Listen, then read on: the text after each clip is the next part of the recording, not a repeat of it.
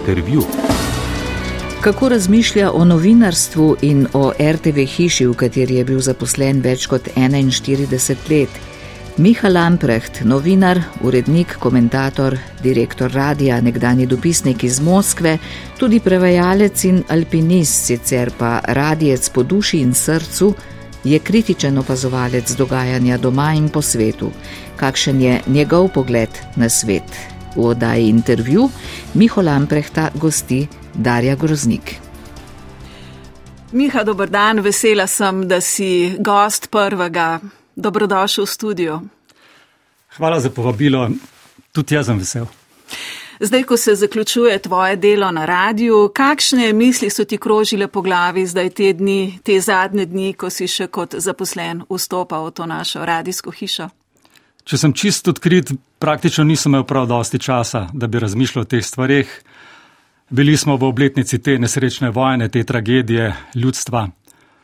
In uh, praktično sem do zadnjega poskušal narediti najboljše, kar se je pač dal narediti za vse naše programe, pa tudi za kakšne druge. Tako da zdaj bom začel razmišljati, kaj bo. Po izobrazbi si diplomiran pravnik, tvoja prva zaposlitev pa je bila tudi na radiju. E, zakaj pravzaprav novinarstvo? Se imaš tako lepo izobrazbo, lahko bi počel marsikaj drugega. Jaz se in moji kolegi iz tistega časa so uspešni odvetniki, so uspešni ljudje na svojem področju. Moram pa povedati en detalj, da jaz sem zelo rad študiral pravo, zlasti mednarodne odnose, ampak bilo je pa zanimivo eno dejstvo, da sem jaz takrat eno leto delal kot napovedovalec na Radio Student. In to me je nekako dalo nek zagon, da je to v bistvu čaroben medij. Naj, potem proti, proti koncu študija se je pa pojavil tudi en razpis, da RTV Slovenija išče uh, nove kandidate za delo. In bila je štipendija na Radio Slovenija in pisalo je izredno, ne za diplomiranega pravnika, ampak za novinarja. Jaz sem to pogledal, jaz sem imel tisto štipendijo, mislim, da leto dni, kar je bila čist pragmatična zadeva, ni bila visoka štipendija. Bilo je pa zanimivo, ne, da, sem, da je mene takrat v bistvu po tej štipendiji, po pogodbi, čakalo delovno mesto. Ne, že tako, tako sem bil pa nekako naravnan, v bistvu, da, da me zanima zunanja politika. Pa tudi bom rekel, če sem začel z radijem študent, tam sem srečal čudovite ljudi, uh, Neva Zajc, um, Alež Valič, Ivo Boskarol, recimo, uh, Ana Mlakar, ki nas je učila govoriti. In to me je dal nekako nov zagon in v bistvu sem potem začel na samem začetku v bistvu na Radio Slovenija. Šel sem uh, uh, skozi vse ta proces, v, skozi poročila, delal v turnostih, potem sem začel delati v zonalni politiki in tam sem potem tudi ostal. Ti je to pravno znanje prišlo prav pri tvojem novinarskem delu? Ja, bi rekel, da neka širša optika teh mednarodnih odnosov prav gotovo. Prav gotovo sem se tega z veseljem posluževal, pa poskušal razumeti, mogoče še na kakšen drug način, v bistvu stanje v mednarodnih odnosih, pa ta v bistvu stanje duha, ta zeitgeist, o katerem govorimo. Ne? No, po tvojem ime lahko zapišemo novinar, komentator, dopisnik RTV, vodja mednarodnega oddelka na RTV, ta oddelek skrbi za nemoteno delo dopisniške mreže, urednik zunajne politične redakcije na radiju, direktor Radija Slovenija, tudi podpredsednik radijskega odbora Evropske radio-televizijske zveze. Kaj od tega ti je najbolj pisano na kožo? Kje si bil mogoče najbolj učinkovit, zdaj, ko gledaš nazaj? Vse te, bi rekel, vloge ki so prihajale, bi rekel, na križišče poti, sem upravljal rad z veseljem, ampak najbolj seveda in največ se mi zdi, da je tisto, kar sem lahko naredil kot novinar. Mogoče je moja najbolj nekako propulzivna, najbolj učinkovita ali pa bi rekel najbolj. Bi rekel, uh, dinamično delo je bilo pa po mojem to, da sem bil pač dopisnik v Moskvi, da sem pa postal dopisnik v Moskvi, je pa pomembno uh, neko dejstvo. Namreč jaz sem izredno spoštoval uh, gospoda Jana Zastaniča, publicista, ki je bil izjemen strokovnjak za Sovjetsko zvezo. Mi, da so se večkrat dobivala, mi, da smo imela debate, jaz njega praktično Eh, tako že kar strahov spoštovanja poslušal, kdaj pa kdaj postavil besedo. In Janez Stanič je takrat imel tudi zelo učinkovite komentarje, v bistvu tudi na, na javni radio televiziji. On kot publicist je bil tudi prevajalec in tako naprej.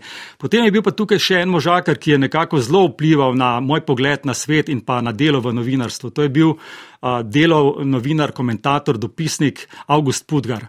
Če se spomniva, ne, on je leta 1988 napisal tisti znameniti tekst Admiral sredi Lakote, ki je letel na admirala Branko Mamolo, ki je šel prodajati sredi Lakote orožje v Etiopijo. To so bili ljudje, ki so me nekako zaznamovali, ki so mi dali nekako vedeti, kaj je tisto, kako se streže temu poklicu, kako biti učinkovit, kako biti profesionalno najboljši. Pa še nekdo je bil tukaj, uh, moram reči, ker sem potem uh, dve leti delal tudi kot skupni dopisnik za časopisno hišo Delo, to je bil prav gotovo Tit Dobršek. Torej, med letoma 1989 in 1996 si bil dopisnik v Moskvi, prvi dve leti tudi za časopis Delo, ne samo za radio in za televizijo. Veliko se je govorilo, ugibalo, ali so ven za dopisnike odhajali preverjeni ljudje, ki so počeli mogoče poleg novinarskega dela še kaj drugega. Ja, razumem, v bistvu ta bi rekel, da je, da je ta osebe, ki je skrit v povedku, ali so to bili partijski kadri ali so to bili ljudje, ki, se, ki so yeah. Ja. sodelovali s tajnimi službami in tako naprej. Jaz moram reči, ampak to bom pa zdaj res uh, povedal in medijas res, tega nisem nikoli javno povedal. Ne? Jaz sem se takrat prijavil, ampak moram reči, da, da takratni generalni direktor RTV, gospod Vlado Janžič, je bil proti temu, da bi jaz šel za dopisnika v Moskvo, da nisem pravi kader, ampak Izredna zahvala pa gre tukaj eh, tedanjemu šefu radija, gospodu Borisu Dolničarju, ki se je zavzel za me in ni odstopil od tega svojega predloga. Jaz tudi upam, da sem na koncu nekako uh, korespondiral z nekimi pričakovanji javnosti, ker to je bilo v bistvu obdobje, ko je Jugoslavija razpadala, ko je Sovjetska zveza razpadala. Jaz sem tam spremljal, uh, bom rekel, padec Gorbačova, uspon Jelcina, razpad Sovjetske zveze in tako naprej.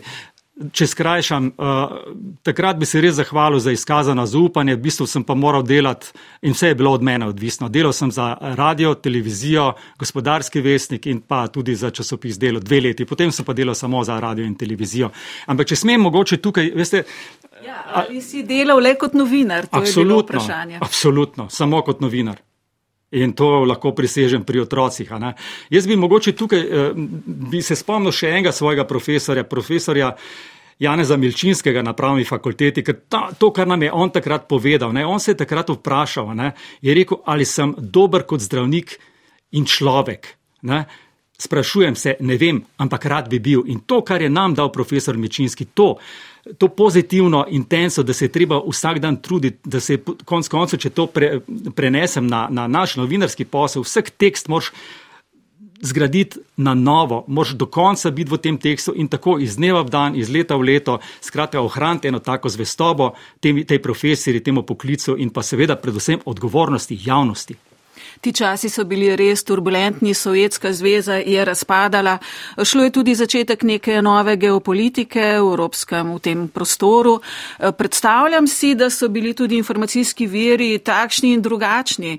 Kako si se znašel v tistem času, da si v Slovenijo pošiljal res verodostojne informacije? To ni bilo enostavno, takrat v bistvu ni bilo tako razvejeno, poplave informacij, razno raznih, tudi dezinformacij, tudi trolov in vsega tega. Mi smo se takrat naslanjali v bistvu na neke uradne vire, hkrati smo vsi poslušali bom rekel, Radio Free Europe, poslušali smo BBC v ruskem jeziku. Jaz konkretno sem imel navezo z še dvema novinarjema, s katerimi smo izmenjavali informacije in v bistvu tudi preverjali te informacije. Tako da poskušali smo narediti najboljše. Uh, moram reči, da tisto, kar je ostalo zapisano in tisto, kar sem povedal, mislim, da, da je kar, na nek način kar držalo. Ne, čeprav smo, vsi smo se spraševali, kaj bo sledilo, kdaj bo to sledilo. Moja pobožna misel je bila, ko sem odhajal decembra, uh, decembra 1989 v Moskvo, je bila samo, da se ne zgodi prevrat, samo da ne sesujejo Gorbačova, ampak to se je potem zgodilo 19. Uh, augusta 1991, vendarle. No, za televizijska poročila si 21. augusta leta 1991 poročal. Tretji dan po strmoglavljenju Mihajla Gorbačova na posled radosne novice. Predsednik Rusije Boris Jelcin je sprva na izrednem zasedanju Vrhovnega sovjeta Rusije sporočil, da hočejo člani prevratniške vojaško-počistične hunte pobegniti na letališče Vnukova. Nemalo zatem pa je zatihan speaker na radio Rusija, ki je prvi prebil informacijsko blokado, sporočil, da so prevratnike ob poskusu pobega ujeli. Pred parlamentom je zdaj vse več ljudi. Pričakovati je, da jih bo čez čas milijon. Ljudje kličejo svoboda, svoboda. Vzdušje je nepopisno, upravičeno radostno. Najbolj kritični dan po prevratu je torej mimo. In zdaj bo potrebno prepričati vojake in zlasti generale, ki poveljujejo konkretnim enotam, da so ločeni spopadi resnično nesmiselni. Popovdne se je izvedelo, da je drugi oddelek Komiteja državne varnosti izrazil pripravljenost zaščititi Borisa Jelcina oziroma zakonito oblast. Danes pa se je še izvedelo, da je državna agencija TAS kar 24 ur pred prevratom dobila praktično vse dokumente o načrtovanem udaru. Kar zadeva povzemanje najbolj kritične noči, se pravi noči od torka na sredo, lahko rečemo, da se na srečo ni zgodilo, kar je vodstvo Ruske federacije povsem utemeljeno pričakovalo. Zaradi bojazni, da bodo posebne enote državne varnosti poskusili z vseh strani nasilno zavzeti sedež zakonito izvoljenega parlamenta, je vodstvo Ruske federacije s predsednikom Jelcinom na čelu današnjo noč preždelo v kletnih prostorih parlamenta. Sicer pa je noč uradno terjala štiri smrtne žrtve, ki so padle v bližini parlamenta, ko je tank porušil barikado. Neuradno je žrtev več. Miha, takole si poročal 21. augusta leta 1991. Zanimiv je ta posnetek, poln nekih šumov, nekih moten. Uh, si bil ti takrat pred parlamentom? No, moram reči, da jaz sem najprej sem fasciniran, kako delujejo ti naši arhivi. Moram reči, da sem nekaj zatresel glas, ker to je konec koncev je del nekega mojega življenja, to je del neke naše skupne eh, profesionalne poti. Uh, jaz sem bil večkrat pred parlamentom, a mi moramo nekaj vedeti. Ne? Mi takrat nismo imeli mobilnih telefonov, mi takrat nismo imeli teh aparatov, ki jih imajo novinari danes. Hvala Bogu, da jih imajo. In jaz sem seveda te stvari spremljal, delal sem si beležke in potem sem vedno odhitev domov. In potem sem vedno na brzino to napisal, preveril, eh, telefoni so že zvonili in potem sem se pač javljal, včasih v živo, včasih smo to posneli, včasih, da so opremili še z, bom rekel, z video materiali. Tako da, ja, to je bilo svoje vrstna, bi rekel, šola, svoje vrstna, bi rekel, to je zdaj že zgodovina novinarstva. Ne? Ampak vendarle se mi zdi, da je ta dokument vendarle je avtentičen. Jaz moram reči, da ga nikoli nisem slišal do zdaj in, in hvala ti za tole.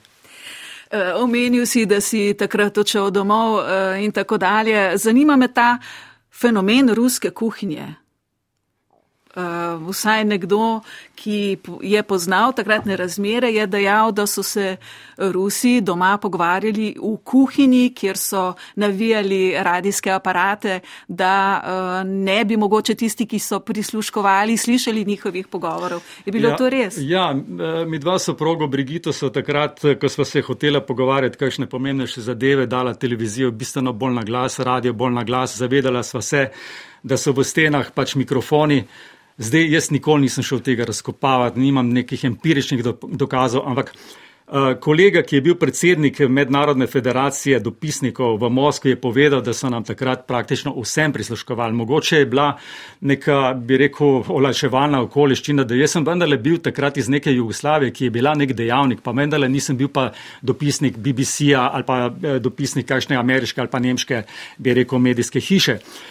So pa nam prisluškovali, definitivno brali so naše tekste, obstaja tudi en dokument, ki, me, ki mi ga je potem uh, ob neki priložnosti podaril kolega Stopar, ki je delal doktorat iz vseh teh zadev in tam pač piše, kako so spremljali moje tekste, kaj so ti teksti pomenili. Tako da, v bistvu po svoje to neko priznanje, da smo bili na nek način vendarle relevantni. Ampak ključno je meni bilo seveda to poročati, dnevno poročati, dati neke kontekste, dati neke pomene, pojasnevati uh, gledalcem, poslušalcem, javnosti, v bistvu, kaj se takrat dogaja. Jaz pa vem, da oni so imeli, tukajšnja javnost je imela bistveno prednost pred menoj, spremljali so vse ostale medije. Jaz sem skratka sledil dogodkom na licu mesta in spomni se recimo primera, kako je potem uh, tako imenovanem operetnem prevratu, ne, to zdaj govorijo, da je bil operetni prevrat, ampak jaz se takrat spomnim, takrat sem, je bilo vse 200 tankov po teh ulicah, vse te bi rekel vpadnice v Moskvo so bile dobro zasedene. Spomnim pa se, da sta potem uh, naslednji dan uh, prišla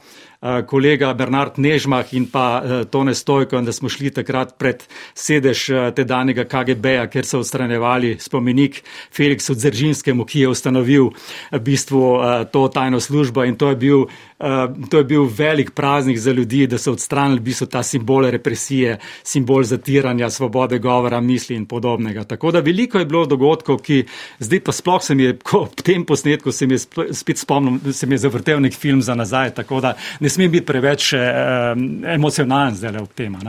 Gotovo je bila izredno bogata izkušnja tvojega dopisniškega dela. Odšel si iz Jugoslavije v Sovjetsko zvezo, ko si prihajal nazaj, Sovjetske zveze ni bilo več in tudi Jugoslavija ni več obstajala. Obstajala je samostojna Slovenija. Skratka, za novinarja enkratno obdobje. Ja, bi rekel, da kot pravijo Nemci, ne, nek uh, Zeitenwende, ne, neka uh, epoha sprememb.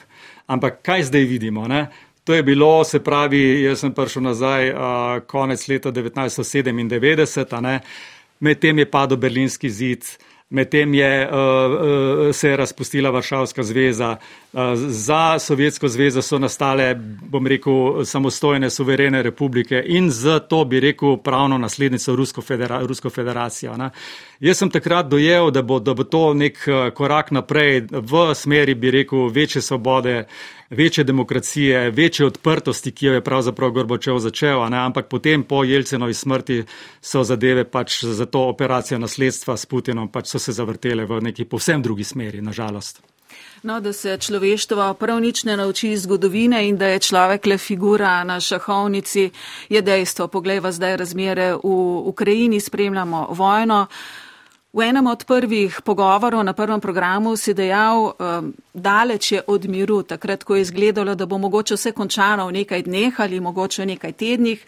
Veliko analiz, komentarjev odaj si naredil o dogajanju v Ukrajini. Na vsaki vojaški strani po 200 tisoč mrtvih, oziroma sploh ne vemo, koliko je ubitih, koliko je ranjenih. Ne bom te vprašala, kdaj se bo ta morija nehala. Prav gotovo pa ta vojna poteka na številnih drugih frontah, Naprimer, vsaj 6 tisoč ukrajinskih otrok je bilo v zadnjem letu premeščenih v posebne institucije na ozemlju Rusije, tam so starši ali brez njih, tam jih Rusi preuzgajajo. To je, moj komentar je nepredstavljiva brutalnost eh, leta 2023 na evropskem prostoru. Kakšen je tvoj komentar? Kakšne so vse te uh, civilizacijske razsežnosti tega konflikta? Res je, to, to je v bistvu pošasna slika. Je pa res, če se vrnem na, na tisti, bi rekel, 22. februar pred enim letom, pa 24. februar pred enim letom.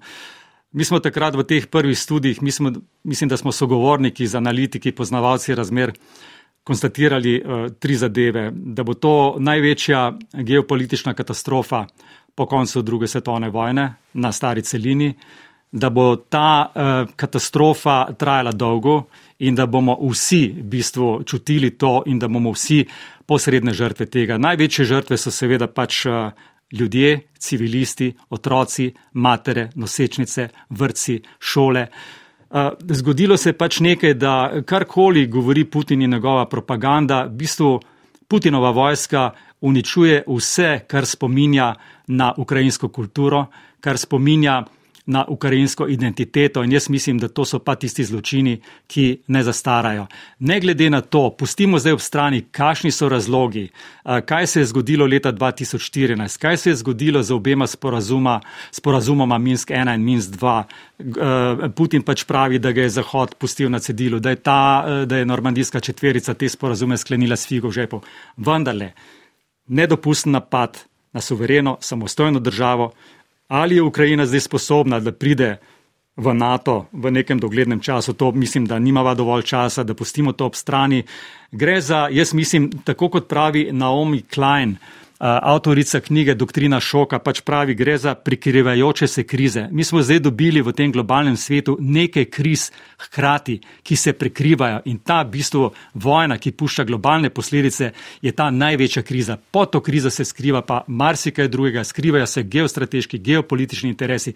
Ne na zadnje, pogledal sem kazalnike, recimo, vojaško-industrijskega kompleksa podjetja Lockheed Martin ali pa Rheinmetall nemškega, recimo delnice teh podjetij strmo navzgor, samo strmo navzgor. In ravno to je, ko, ko spremljam, recimo, doskrat eh, spremljam skoraj vsak večer zid Deutsche Fernseh, ko gledam te nemške debate, sprašujejo, v bistvu kancelja Šolca, sprašujejo, kaj pa, če pošiljke tankov, novega, dodatnega, modernega orožja v mesecu, dveh ali treh ne bodo prispevali k temu, da, bo pač, eh, da bo prišlo do poraza uh, Putinove vojske. Kaj boste storili takrat? Hočem reči, dan danes so te stvari uh, nepredvidljive. Jaz bi, mislim, da se najhujši spopadi vendarle še bodo zgodili in bojim se, da ta napoved, da se bo uresničila, da ni videti prav k malu, da se bo ta vojna končala. Oči mednarodne javnosti so uprte tudi v samo Rusijo. Tam so ljudje soočeni z medijsko blokado, pa se tega najbrž niti ne zavedajo. Um, in seveda vprašanje je, ali bo Rusija doživela neke demokratične spremembe. Misliš, da bo zaprt ruski opozicijski voditelj Navalni preživel zapor in doživel demokratične spremembe v Rusiji? E, težko bi rekel, ali se bo to Navalnemu išlo ali ne.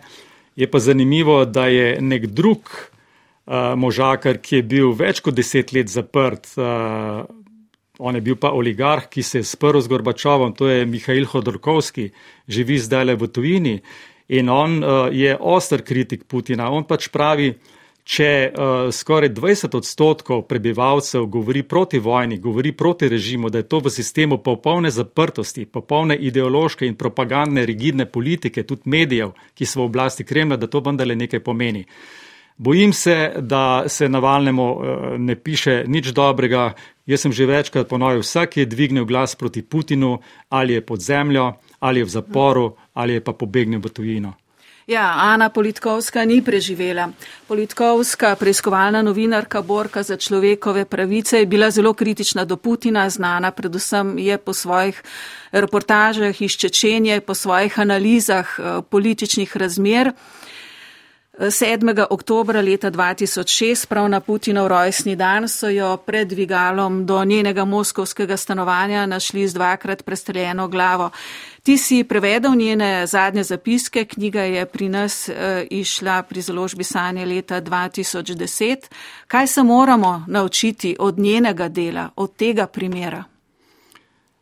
Ja, to je novinarka, ki zasluži globoko spoštovanje. Žal se je njena pot tragično končala, storilci do danes niso znani.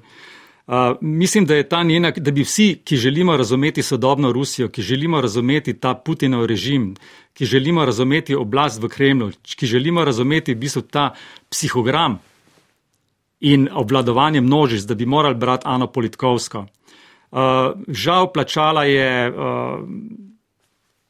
noro kazen, nesorazmerno kazen, uh, uh, ampak ob njej je tudi Boris Nemcov leta 2015 plačal življenjem. On je bil uh, kot možen kandidat za, uh, kot predsedniški kandidat Rusije in tudi on je umrl v neznanih okoliščinah in to bi rekel uh, vizavi uh, kremljskega zidu. Tako da, v bistvu, gledajte, mi nimamo nekih neposrednih dokazov, kako je režim upleten v tole, ampak preveč je nekih naključij, preveč je teh uh, uh, ali zastrupitev ali, uh, ali teh atentatov, v bistvu, ki pač vodijo pač k nekemu sklepu. Ne? Jaz mislim, da, da, da vsi, ki želimo razumeti sodobno Rusijo, uh, jaz tukaj ločim vedno Putinov režim od ruskega naroda da bi morali brati take in podobne knjige. Zdaj, jaz mene je ta knjiga preobrazila, meni je ta knjiga na drug način odprla oči, na drug način se me je dotaknila, ne glede na to, da sem mogoče nekaj malega, pa vendarle o Sovjetski zvezi ali pa Rusiji že morda vedel odprej. Uh -huh. Nažalost, pa te gospe kolegice nisem nikoli srečal, nažalost. Uh -huh. No, poznal pa jo je Branko Soba, novinar, komentator, ki podobno kot ti budno spremlja dogajanje v Rusiji in Ukrajini. Poslušajmo, kaj je povedal o tebi. Z Mihom se v bistvu poznava že zelo dolgo. E, povezala naju je nekako Moskva, kjer sva oba bila dopisnika.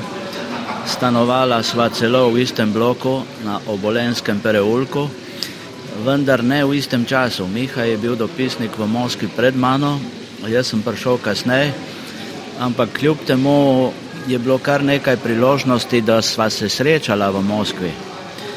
Se pravi, najprej naj jo je povezala Moskva, kasneje pa še uh, Ana Politkovska, izjemna novinarka, ki sem jo dobro poznal. Miha je prevajal knjigo o njej, ki je išla pri sanjah, njen dnevnik, tako da sva se takrat uh, večkrat tudi dobila in kasneje to knjigo tudi skupaj predstavljala. Miha je za me izvrsten novinar, profesionalec, natančen, zagovornik dejstev, vse preverja. Skratka, novinar, kakršen bi novinar moral biti. Ne. Tudi zaradi tega mi je uh, kar precej žal, da zapušča to radijsko in televizijsko hišo, uh, ampak prepričan sem, da bo svoje komentarje in, in analize javnosti posredoval tudi po upokojitvi, uh, kajti profesionalen novinar je novinar za vse le, tudi, tudi ko odide v, v penzijo in mislim, da bo Miha to počel. Boš to počel, Miha? Ja, jaz moram reči še eno, rekel res prijetno presenečenje. Uh, z Brankom sva res, uh, mislim, da sva več kot kolega. In izredno ga spoštujem, vedno se veselim njegovih tekstov. So tudi sobote, ko vzamem sobotno prilogo, preberem in si seveda ne morem kaj, da mu ne poslal SMS. In bi rekel, Branko, res dobro napisano. Skratka, ja, glede tega vprašanja, jaz lahko povem nekaj. Zame se v bistvu ne spreminja v tem kratkoročnem pogledu prav ničesar. Jaz bom to spremljal naprej, poskušal razumeti stvari, poskušal uh, analizirati, poskušal uh, ob tem pri sebi delati neke sklepe, zaključke. Uh, spremenilo se bo samo to, da bo ta moj output ne bo vezan več na to, da bom prihajal 8.30 na radio, pa da bom uh, da bom prispeval neke svoje prispevke uh, za dnevno informativne oddaje. Mi moramo vedeti, uh, radio, nacionalni radio ima šest osrednjih informativnih oddaj, ki delujejo, ki so vedno dinamične, ki so v bistvu odraz časa in prostora, ki imajo svojo, svojo kredibilnost, ki pa na nek način v bistvu ta dnevna produkcija 24 ur na dan iz, iz dneva v dan, iz tedna v teden, v bistvu tudi bi rekel, povzroči tudi nek davek. Jaz bom za to hišo vedno odprt, eh, to sem povedal tudi kolegom, če bodo le menili, da lahko kakorkoli pomagam, bom tukaj. In če bom le vedel, bom absolutno sodeloval s hišo še naprej. Je pa res, da jaz se v tem, bi rekel, svojem, pa bi rekel, dobrih 40 let bivanju na Tavčeri 17, nikoli nisem mislil, da bi se moral nekaj postavljati v spredje, da bi se moral nekaj ponujati. Stvari so se pa zgodile. Je pa res, da tudi v tem obdobju udejstvovanja najbrž sem tudi naredil kdaj kakšno napako in se pač javnosti na tem mestu nekako opravičujem za storjene napake, kajti kdor dela, dela tudi napake in moram reči, v, v tem času, zlasti tisto obdobje dopisnikovanja, veste, včasih bi rekel, da niti nismo imeli možnosti vse zadeve premisliti, analizirati, ker smo bili v bistvu samo mediji. Dobil in posredoval naprej, dobil, posredoval naprej. Kaj se je potem dogajalo, kako je to fermentiralo v bistvu celotna materija, do kakšnih sklepov smo prišli, to pač potem so bile tudi, bi rekel, neke analize. Tako da jaz eh, se na, na nek drug način tega sodelovanja absolutno veselim še naprej in prav gotovo ne bom eh, nehal spremljati tega distrenute, ko odhajam, v bistvu stavčar je 17. No, imel boš pa prav gotovo več časa, kot sva že ugotovila, prevedel si zadnje zapiske Ana Politkovske, pa tudi še kaj drugega, Borisa Kunina in tako dalje. Um, te mika to prevajalsko delo? Ja, si, kdaj mi moj kolega uh, Matej Venjer mi, mi kdaj da kakšno rusko pesem uh, za prevest, pa, pa mu jaz vedno rečem, ne, da jaz ne znam tega početi tako dobro, kot to počne on. Ne? Ampak potem on to nekako polika, pa spravi v neko eh, dostojno formo. Jaz bi rekel tako, veste, ta eh, prevajalski eh, proces in pa dejavnost, ja, to je neke vrste meditacija, meditacija o jeziku, meditacija o kulturi, o zgodovini, Uh, in v bistvu nekako brusiš, v bistvu brusiš, brusiš, brusiš, da bi dobil tisto optimalno obliko. Je pa res, da, da to je kar velik sedenja, uh, tudi ko so, bi rekel, zunaj lepi dnevi ali ob večerjih, ko bi moral početi ali pa bi lahko počel kaj drugega, pač sediš in prevajaš. Zaenkrat sem, pa nisem jaz, jaz sem, jaz sem prevajal, bi rekel. Uh, Jaz temu rečem tako kriminalke z izjemo pač od, od Ane Politkovske, ki je seriozen tekst, ki sem ga tudi eh, knjigo uredil, slovar in vse te zadeve, pojmovnik in vse te stvari. Eh, ne vem, eh, bi rekel, never say never again, nikoli ne reci nikoli.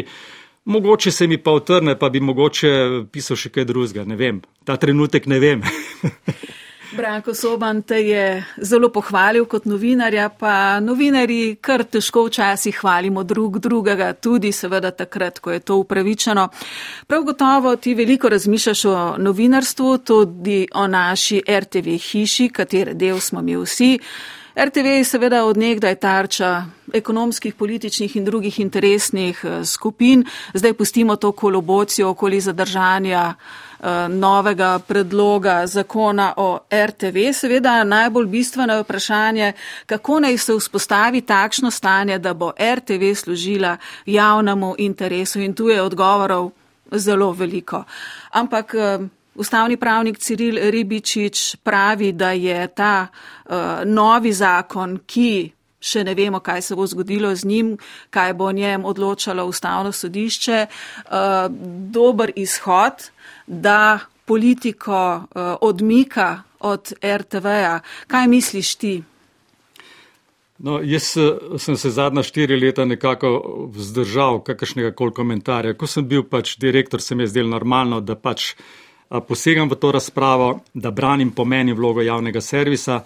Osebno mislim, da je javni RTV, javna radiotelevizija, da je to v bistvu gradnik skupnosti, gradnik, ki gradi na kakovosti, ki gradi na kredibilnosti, ki preverja dejstva, ki ne naseda neki fikciji, ki ne naseda nekim alternativnim dejstvom, ki so s pojavom Trumpa v modi in njegovih somišljenikov, ki je največja, bi rekel, kulturna ustanova tega naroda. Skratka, ima nek posebno vlogo in pomen. Hkrati izobražuje, hkrati informira na najbolj, bi rekel, uh, najbolj žlaht način skrbi tudi za razvedrilo lastnih, teh, uh, uh, lastnih javnosti. Hkrati pa ta hiša v bistvu širi nek dialoški prostor na nek strpen način, uh, na nek, bi rekel, uh, pozitiven način. Zdaj, kaj in kako se bo dogajalo uh, z na, bi rekel, na referendumu z ljudsko voljo potrjenem eh, zakonu o RTV-ju, ki prav gotovo ni idealen. To uh, nimam te, bi rekel, steklene krogle. Verjamem pač uh, pravnikom, ampak tukaj smo videli že vse dve različni mnenji, ki so se pojavili. Uh, tako da se mi pa zdi, da je, uh, bi rekel, že nekako iz satelitskega posnetka vidno, kam se je ta uh, hiša nagnila z, bi rekel, tudi s kadrovskimi spremembami. Zdaj, uh, jaz mislim, da, da spre, vedno so potrebne tudi spremembe znotraj javnega servisa, vedno je potrebno tudi za, nek, za programi na nek način tudi eksperimentirati, da vidiš bistvo, ampak če pa to eksperiment postane praksa, ne, kar se pa najbolj lomi, bi rekel, na tem informativnem segmentu naše mlajše sestre. Ne, To so pa seveda stvari, za katere se bojim, da se hitro ne bodo Eh, vzpostavile v neko stanje pred temi spremembami. Tako da um, se pravim, upamo na najboljše, da bo to dobro za to hišo, da bo to dobro za zaposlene, da bo to dobro za ljudi, ki kontribuirajo te svoje programe javnosti in da bo to v končni posledici dobro predvsem za javnost kot tako, per se, z kakovostnimi vsebinami na različnih, bi rekel, platformah in različnih programih. Oprla se bom na te tvoje besede, vedno so potrebne in nujne spremembe in bom to preslikala na Delo dopisnikov RTV-ja na dopisniško mrežo v teh dneh je RTV objavil razpis za dopisnika v Berlinu in Moskvi. Provokativno. Zakaj sploh potrebujemo dopisnike? Saj so vse informacije dosegljive, beremo vse na spletu. Skratka, vse informacije nas bombardirajo z različnih strani. Zakaj RTV potrebuje dopisnike?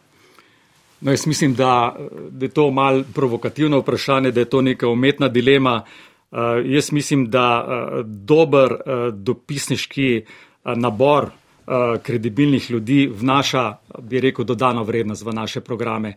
Dopisniki uh, ne delajo samo po, bi rekel, uh, nareku agencijskih novic. Uh, oni so tam predstavljajo, v bistvu uh, so živ odziv na, na, na, na dogajanje v državah, ki so, bi rekel, uh, dejavnik nekih uh, globalnih družbenih sprememb. Jaz se ne znam predstavljati, da, bi, da ne bi imeli dopisnika v Združenih državah Amerik ali pa v Nemčiji.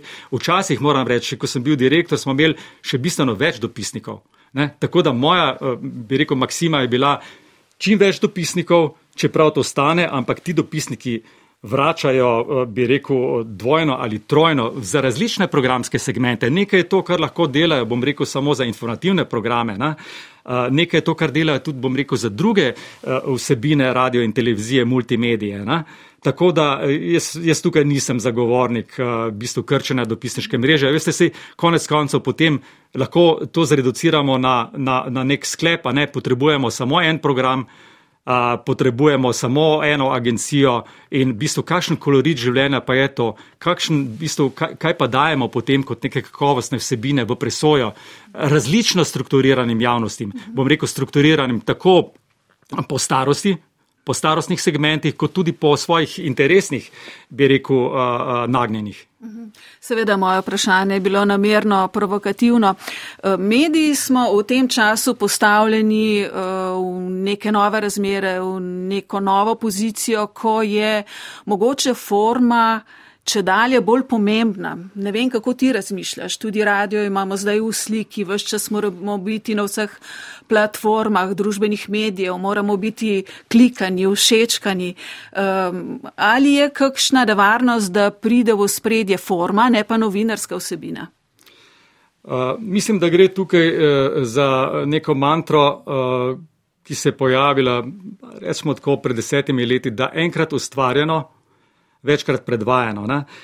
Jaz sem še vedno, bom rekel, malo sem naiven, ne? ker vedno mislim, da radio se še vedno to, kar poslušam, da se dogaja v živo, vedno ne, ne smem zamuditi te ali one oddaje. Ampak ljudje imamo vedno manj časa. Vedno manj časa za, bom rekel, spremljanje medijev. In jasno, da je, da je radio, televizija, multimedija šla, bi rekel, nasproti konzumentom informacij s tem, da lahko poslušajo na zahtevo takrat, ko imajo oni čas.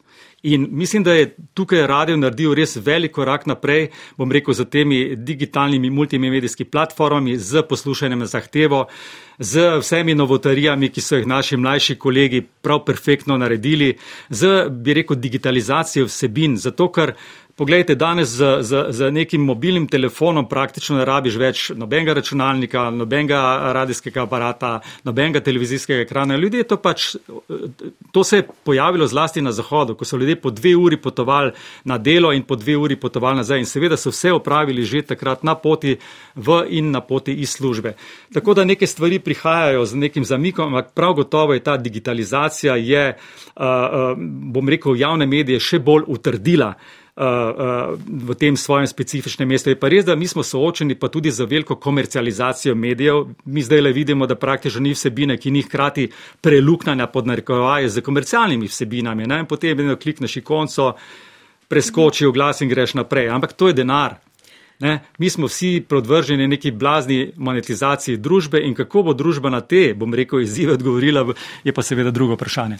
Te kot radica v narekovaju, kdaj zaboli, ker radio ni več prinašalec novic. To funkcijo je prevzel splet, to pa si moramo priznati. Ja, predvsem ta skandinavski uh, koncept, bom rekel, novinarskega dela uh, je uvedel to pravilo najprej na splet. In jaz moram reči, ko sem eh, recimo govoril s kolegi na švedskem radiju ali pa finskem radiju, me to na začetku nekako presenetilo. Zdaj vidim, da to, to je v bistvu postala rutina, to je postalo pravilo. Ampak gledajte, še vedno se mi zdi, da, da uh, pomembno je, kaj prinašamo. Ne? Pomembno je tisto, kako to posredujemo potem tudi, kako te kontekste pojasnimo poslušalcem. Zdaj mislim, da niti ni več pisano velike, ni več uh, nekih, nekih paradnih tem, ki bi, se, uh, ki bi se kot neke top novice uh, pojavljale. Če gledamo v nekem sosledju, v nekem zaporedju, vidimo, da konec koncev vsi objavijo potem to novico. Uh, torej, profesionalno novinarstvo bo preživelo, najbrž se strinjaš s tem. V veliki meri je to odvisno od nas samih. Mi smo, bi rekel, tudi sami smo krivci, da je stanje takšno, kot je. Mogoče smo bili kdaj preveč popustljivi, mogoče bi bili kdaj morali biti preveč dosle, bolj dosledni, ampak ne, jaz verjamem v profesionalno novinarstvo, jaz verjamem, da vremena bodo krancem se zjasnila in veliko je mladih ljudi, ki so izjemni novinari, da tako kot imam jaz, bi rekel, neka sveta imena, ala Janez Stanič, ala August Pudgar. Tako zdaj se pojavljajo mladi novinari, ki jih človek mora spremljati, ki so, ki so agilni, ki imajo v bistvu nek dober pristop obravnavi tematike in so stroko, se spoznajo na svoje področje. Uh, ja, preživetje. Mihal Amprecht, si bil kdaj v razmerah, ko je bilo tvoje preživetje na kocki? Najbrž veš, na kaj mislim. Čo oj, oziroma čo oja, turkizna boginja, ta gora. Ja, no, Pogledala no, sem na spletu 8200, en meter visoka gora. Ja. No, jaz moram reči, da uh, če tudi misliš, da si na vrhu, nikoli nisi prav na vrhu. To bi rekel bolj tako filozofska interpretacija in vedno, ko prideš iz nekega hriba, iz vrha v dolino, si na nek način po moje drug človek. Ampak gledajte, vse to. Uh, To je bila neka moja želja leta 2010, da bi pač želel bi priti na en 8000, ni bilo osvojeno, zato ker takrat se je utrgal se en ogromen plas, ki je pod seboj pokopal tri šerpe in mi smo potem čakali, bili smo dobro aklimatizirani na bazi 5700 metrov. Uh, mislim, da bi vse šlo razmeroma v redu, ampak potem so vse odprave po tej nesreči prekinile v bistvu svoje odpravarstvo in vsi smo se poklapani in objokani pač vrnili domov. Drugač pa jaz nisem, uh, bil sem v Himalaji, uh, občudoval sem v bistvu uh, indijsko, garvalsko Himalajo, Tibet, drugače pa moje, bi rekel, nekako. Uh, Poslastice so mal nižji hribi, dolomiti, centralne Alpe, uh, skalna plezarija in tukaj pri tem pač moram reči, jaz sem enkrat rekel, se mi zdi, ko plezam, ne, sem parafraziral enega uh, japonskega uh, poeta, ki je rekel takrat, ko plezam in ko sem v hribi, se mi zdi, da pijem na izviru vesolja. Jaz sem skozi to početje uh, doživel uh, pre nekatere čudovite trenutke, je pa res, da sem ob tem tudi pa vračam, v bistvu zdaj sem pa tudi izgubil čudovite ljudi, Pavleta Kozeka, Frančka Kneza, Misa Valiča in, in še marsikoga. Ne? O Pavlu Kozjaku si napisal tole: Če bi bil skladatelj, bi napisal simfonijo za prijatelja. Čutim, kako odprto in bogato bi zveneli registri konec navedka. Zelo poetično pisanje. Zdaj prebrala sem intervju z Andrejem Štremflem, ki je bil dvakrat na Everestu in je povedal tole, ne smrti, ne nesreče me niso odvrnile od plezanja, ker to tako neskončno rad počnem. Deloma si že odgovoril, kaj tebe vleče gor, v višave.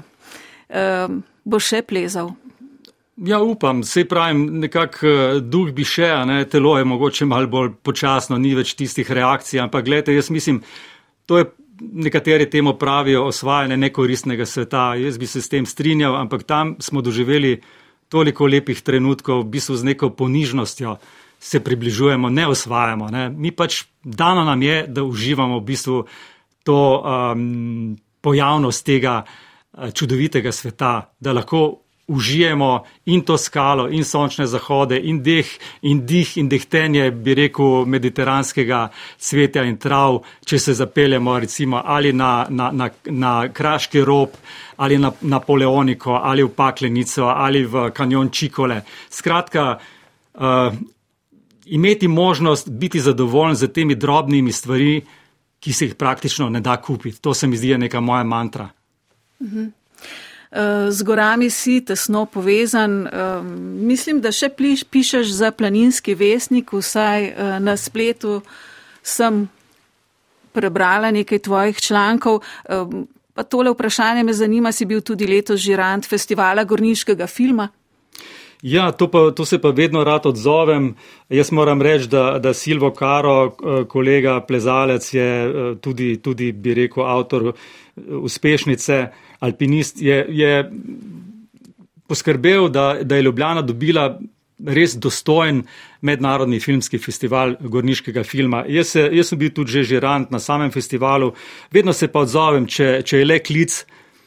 Uh, da, da izberemo najboljši film, in tudi letos moram reči, zbrali smo film Umetnost plezana Reinharda Karla, ki ga bo televizija ali ga je odkupila in bo prikazan. In mislim, da je to neka, nekaj tizga, nek, bi rekel, ti sladkorček ne, ali pa tista, bi rekel, smetana na torti, ki še obogati v bistvu uh, to ponudbo javnega medija. Ker tega, verjemite mi, komercialna televizija tega prav gotovo ne bi naredila. Ne.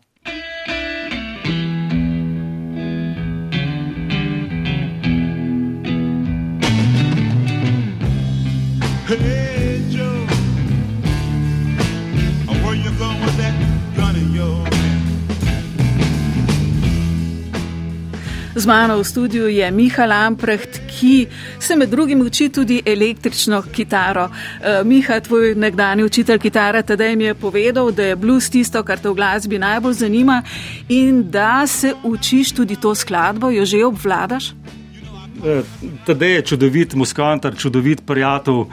Uh, ampak žal moram razočarati uh, in njega, in poslušalce, in tebe. Uh, ne, ne gre mi najboljše, ampak upam, da mogoče pa v teh prihodnjih dnevih ali tednih in mesecih nadoknadim. Uh, Nime pa še, bi rekel, nekako minilo to navdušenje do kitare, pa ne samo električne, tudi akustične kitare.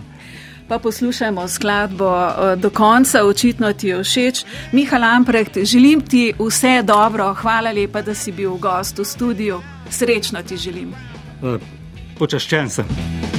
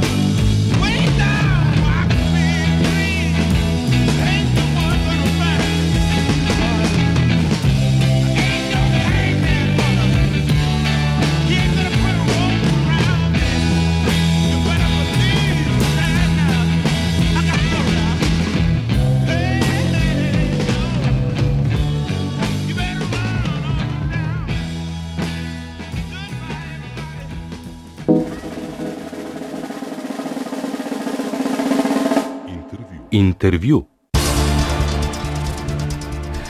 Poslušali ste sredin intervju, z Miho Lamprehtom se je pogovarjala Darja Groznik.